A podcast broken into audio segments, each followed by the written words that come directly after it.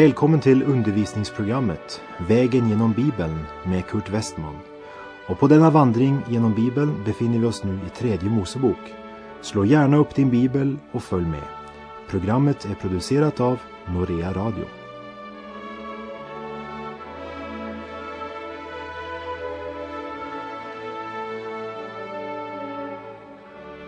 Vi har nu kommit till tredje Mosebok kapitel 16 och därmed till höjdpunkten i det gamla testamentet eller gamla förbundet. Kapitlets tema är Jom Hakipurim som av judarna betraktades som den viktigaste av alla högtider. Också i modern judendom firas den dagen under namnet Jom Kippur. Och det här kapitlet innehåller en rik andlig lärdom för oss.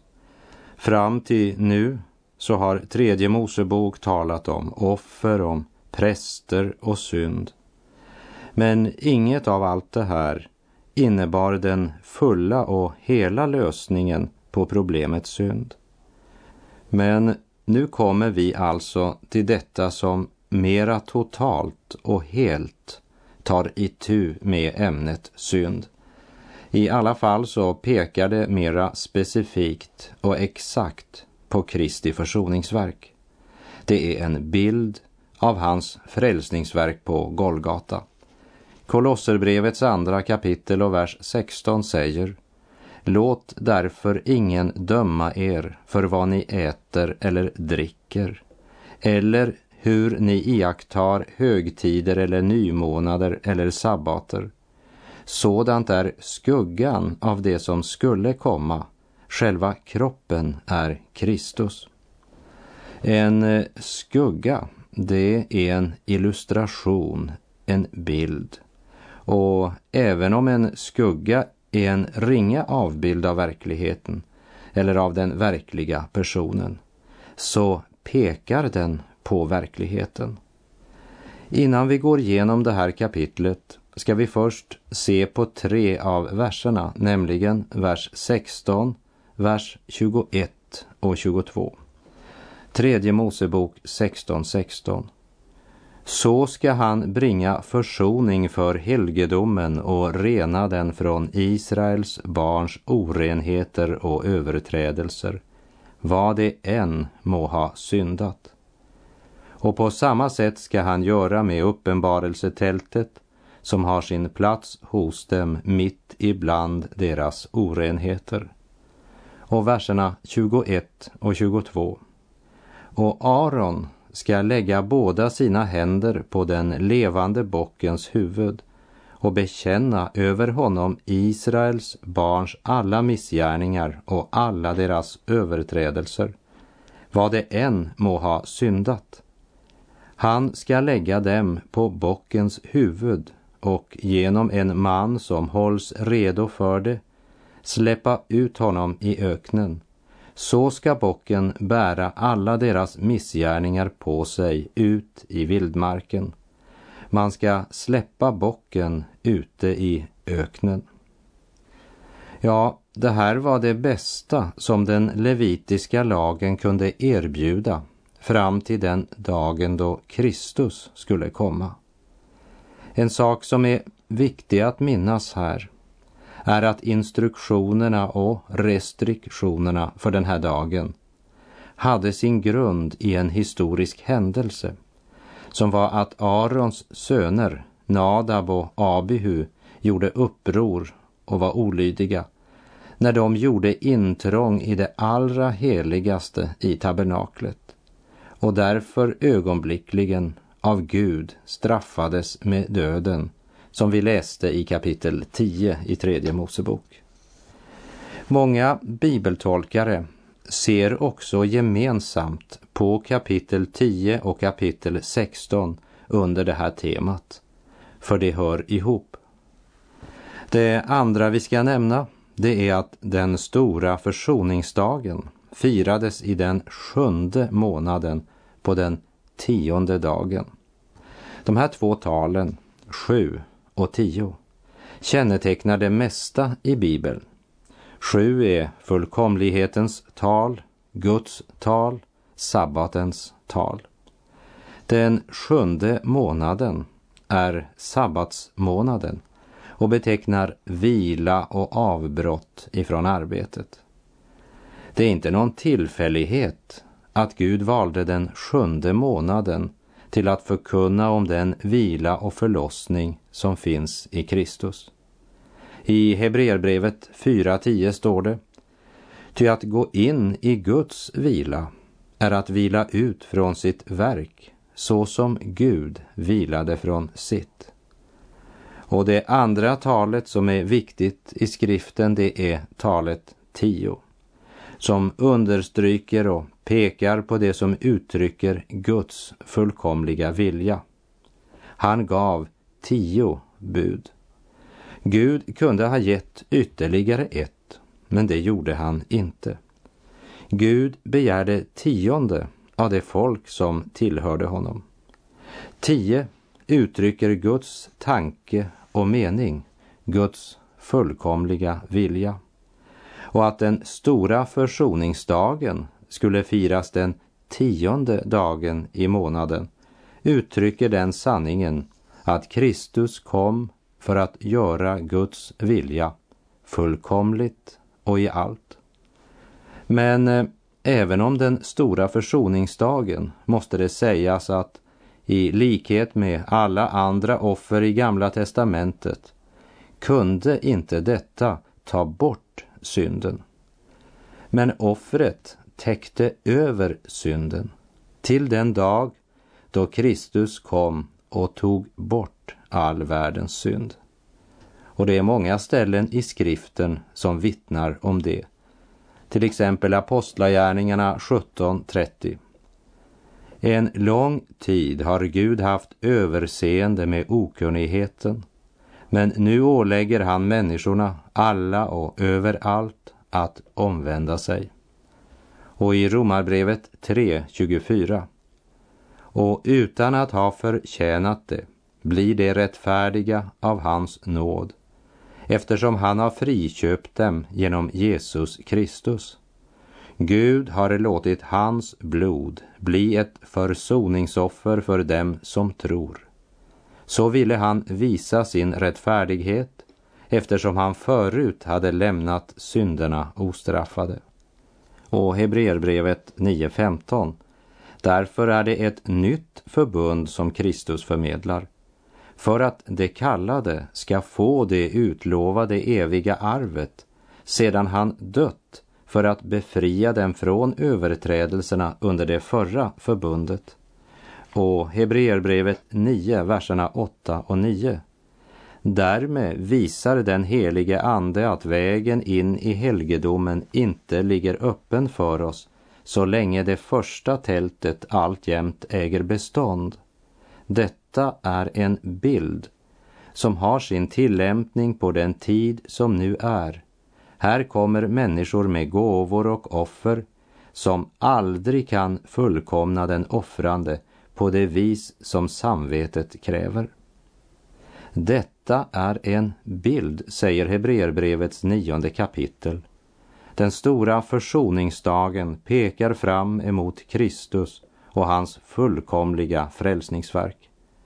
För Jesus gjorde vad ingen offerordning i Gamla testamentet kunde göra, nämligen ta bort synden och i kraft av sitt eget blod rena vår själ vit som nyfallen snö. Lammets blod, floden från Golgata, som är den enda källan som kan släcka själens djupaste törst.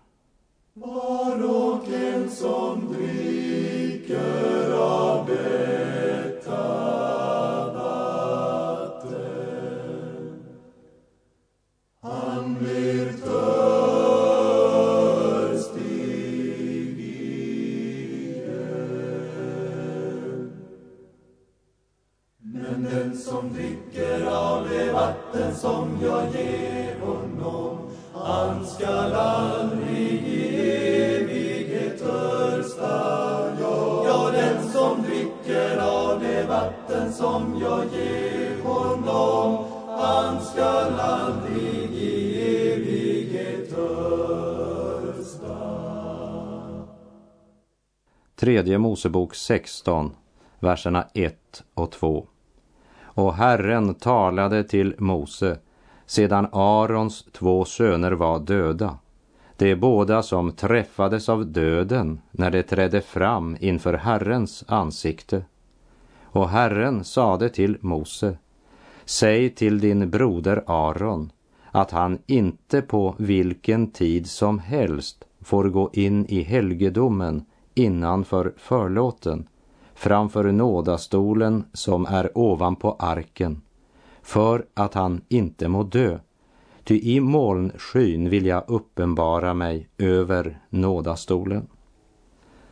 Reglerna och ritualen för den stora försoningsdagen blev specifikt givet efter händelsen där Arons två söner Nadab och Abihu hade gjort intrång i det allra heligaste och av Gud straffats med döden.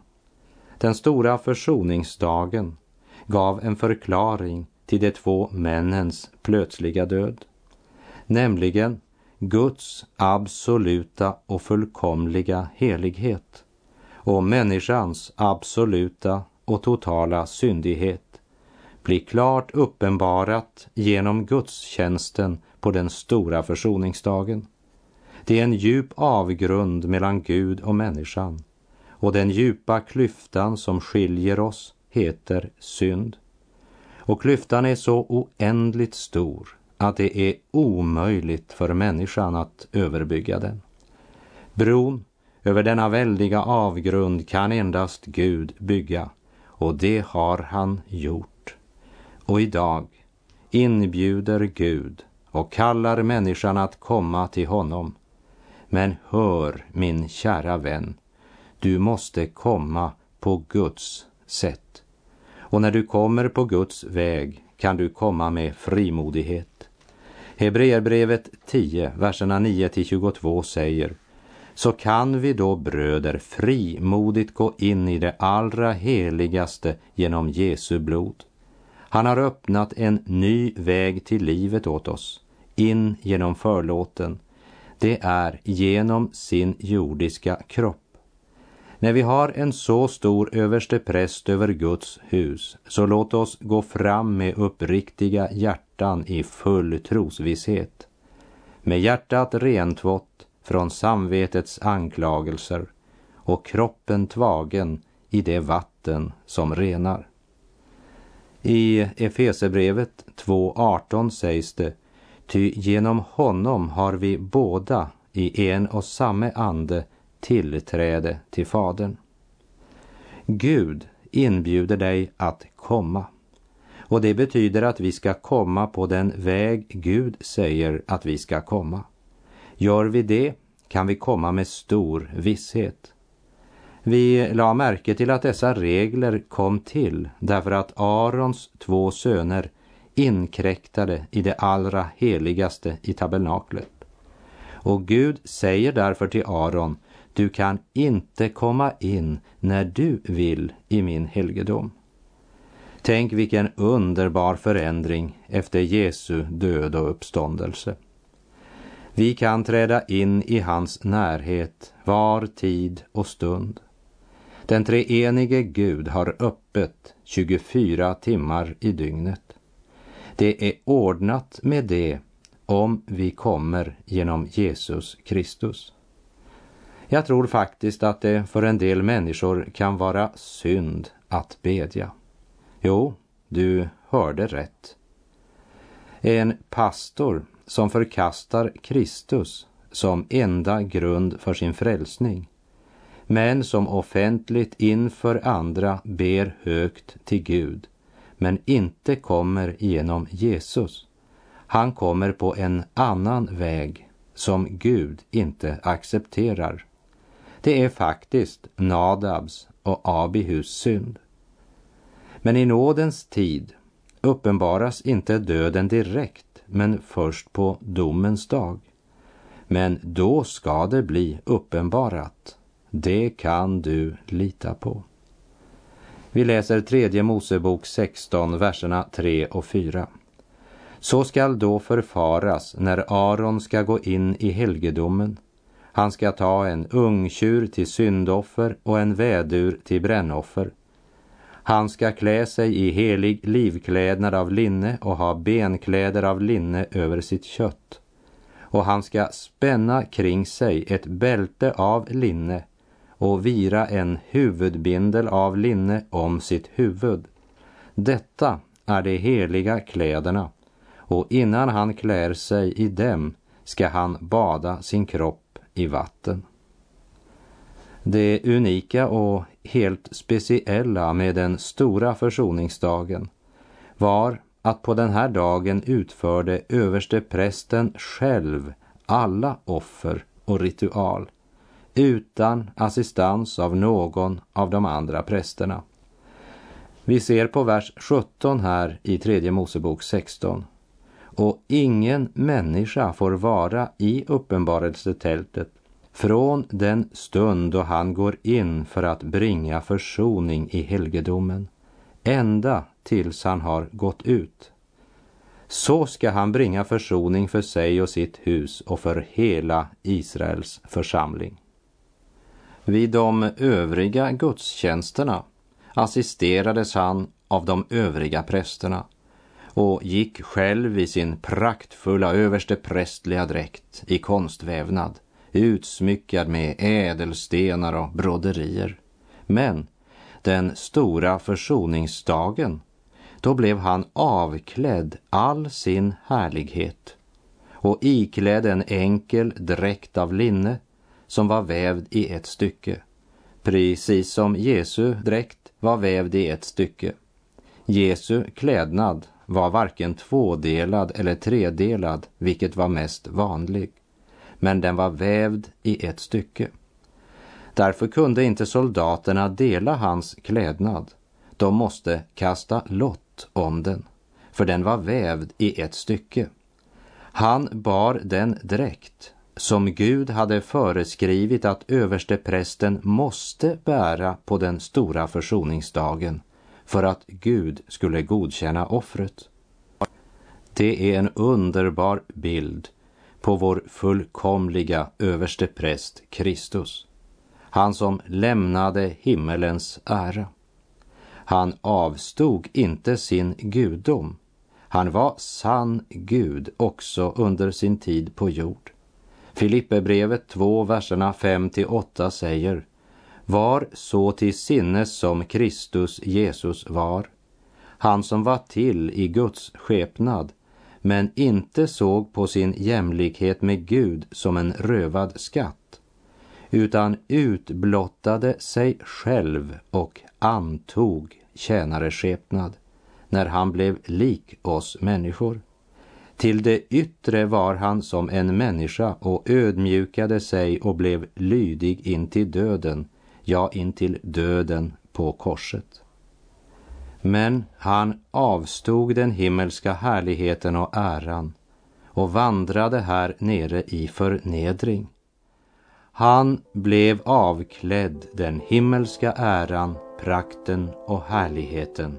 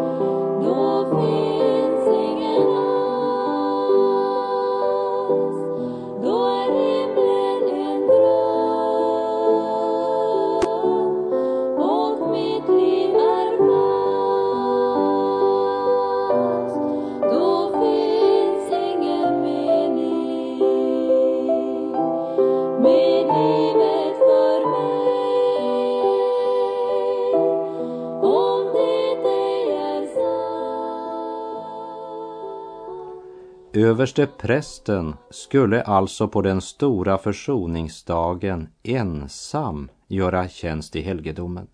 Han var ensam om den stora gärning som skulle utföras. Ensam trädde han in i helgedomen. Försoningens gärning var hans och hans alena. Och det är viktigt därför att också det pekar på Kristus. Lärjungarna, hans närmaste, sov medan han kämpade sin bönekamp i ett semane där han svettades blod. Och Kristus alena bar all världens synd. Den 22 saltarsalmen säger i vers 2 Min Gud, min Gud, varför har du övergivit mig? Jag brister ut och klagar, men min frälsning är fjärran. Kristus var övergiven av både Gud och människor när han blev gjord till synd för oss. Men inte desto mindre var han och Fadern förenade i den frälsningsplan som är vår enda räddning. Johannes kapitel 16, vers 32, där säger Jesus Se, det kommer en stund, den är redan här, då ni ska skingras var och en åt sitt håll och lämna mig ensam. Men jag är inte ensam, Fadern är med mig. Och i Andra Korinterbrevet 5.19 Gud var i Kristus och försonade världen med sig själv. Vi fortsätter i tredje Mosebok 16, vers 5. Och av Israels barns menighet ska han ta emot två bockar till syndoffer och en vädur till brännoffer. Och Aron ska föra fram sin egen syndofferstjur och bringa försoning för sig och sitt hus. Här får Aron instruktion om sin personliga förberedelse för den här viktiga och helt avgörande dagen. Aron offrade ett syndoffer för sig själv och sin familj. Denna del av den stora försoningsdagens ritual har ingen motsvarighet i Kristus. Han var utan synd. Han dog inte för sig själv, men han blev gjord till synd för oss. Jesus bar inte fram något offer för sig själv. Men det måste däremot Aron göra. Aron måste få sina synder täckta med offerdjurets blod så att han blev skuldfri inför Gud. För den som skulle bära fram folkets syndoffer måste själv vara utan synd. Därför måste Aron först offra för sig själv. Jesus bar inte fram något offer för sig själv, men han bar fram sig själv som ett fullkomligt offer. Och de två turturduvorna som offrades i templet när Jesus blev omskuren var till rening för Maria, hans mor. Offret skulle påminna henne om att hon var en syndare. Skriften berättar inte om något offer som blev offrat för Jesus.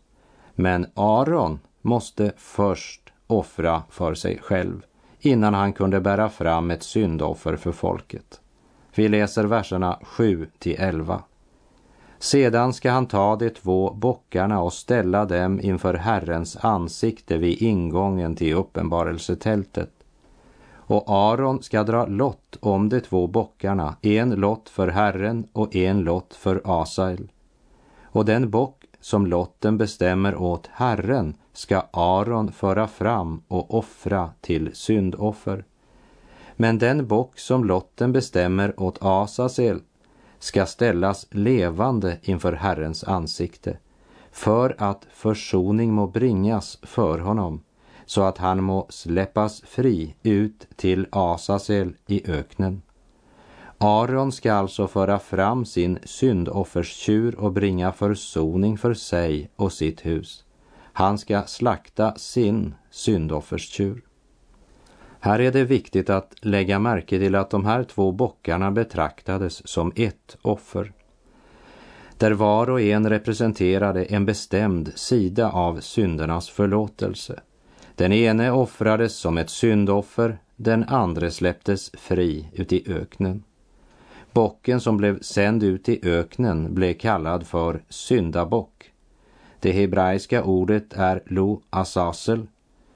Innan något gjordes med någon av bockarna måste Aron gå in i det allra heligaste med blodet av syndofferstjuren som hade offrats för honom själv och hans familj.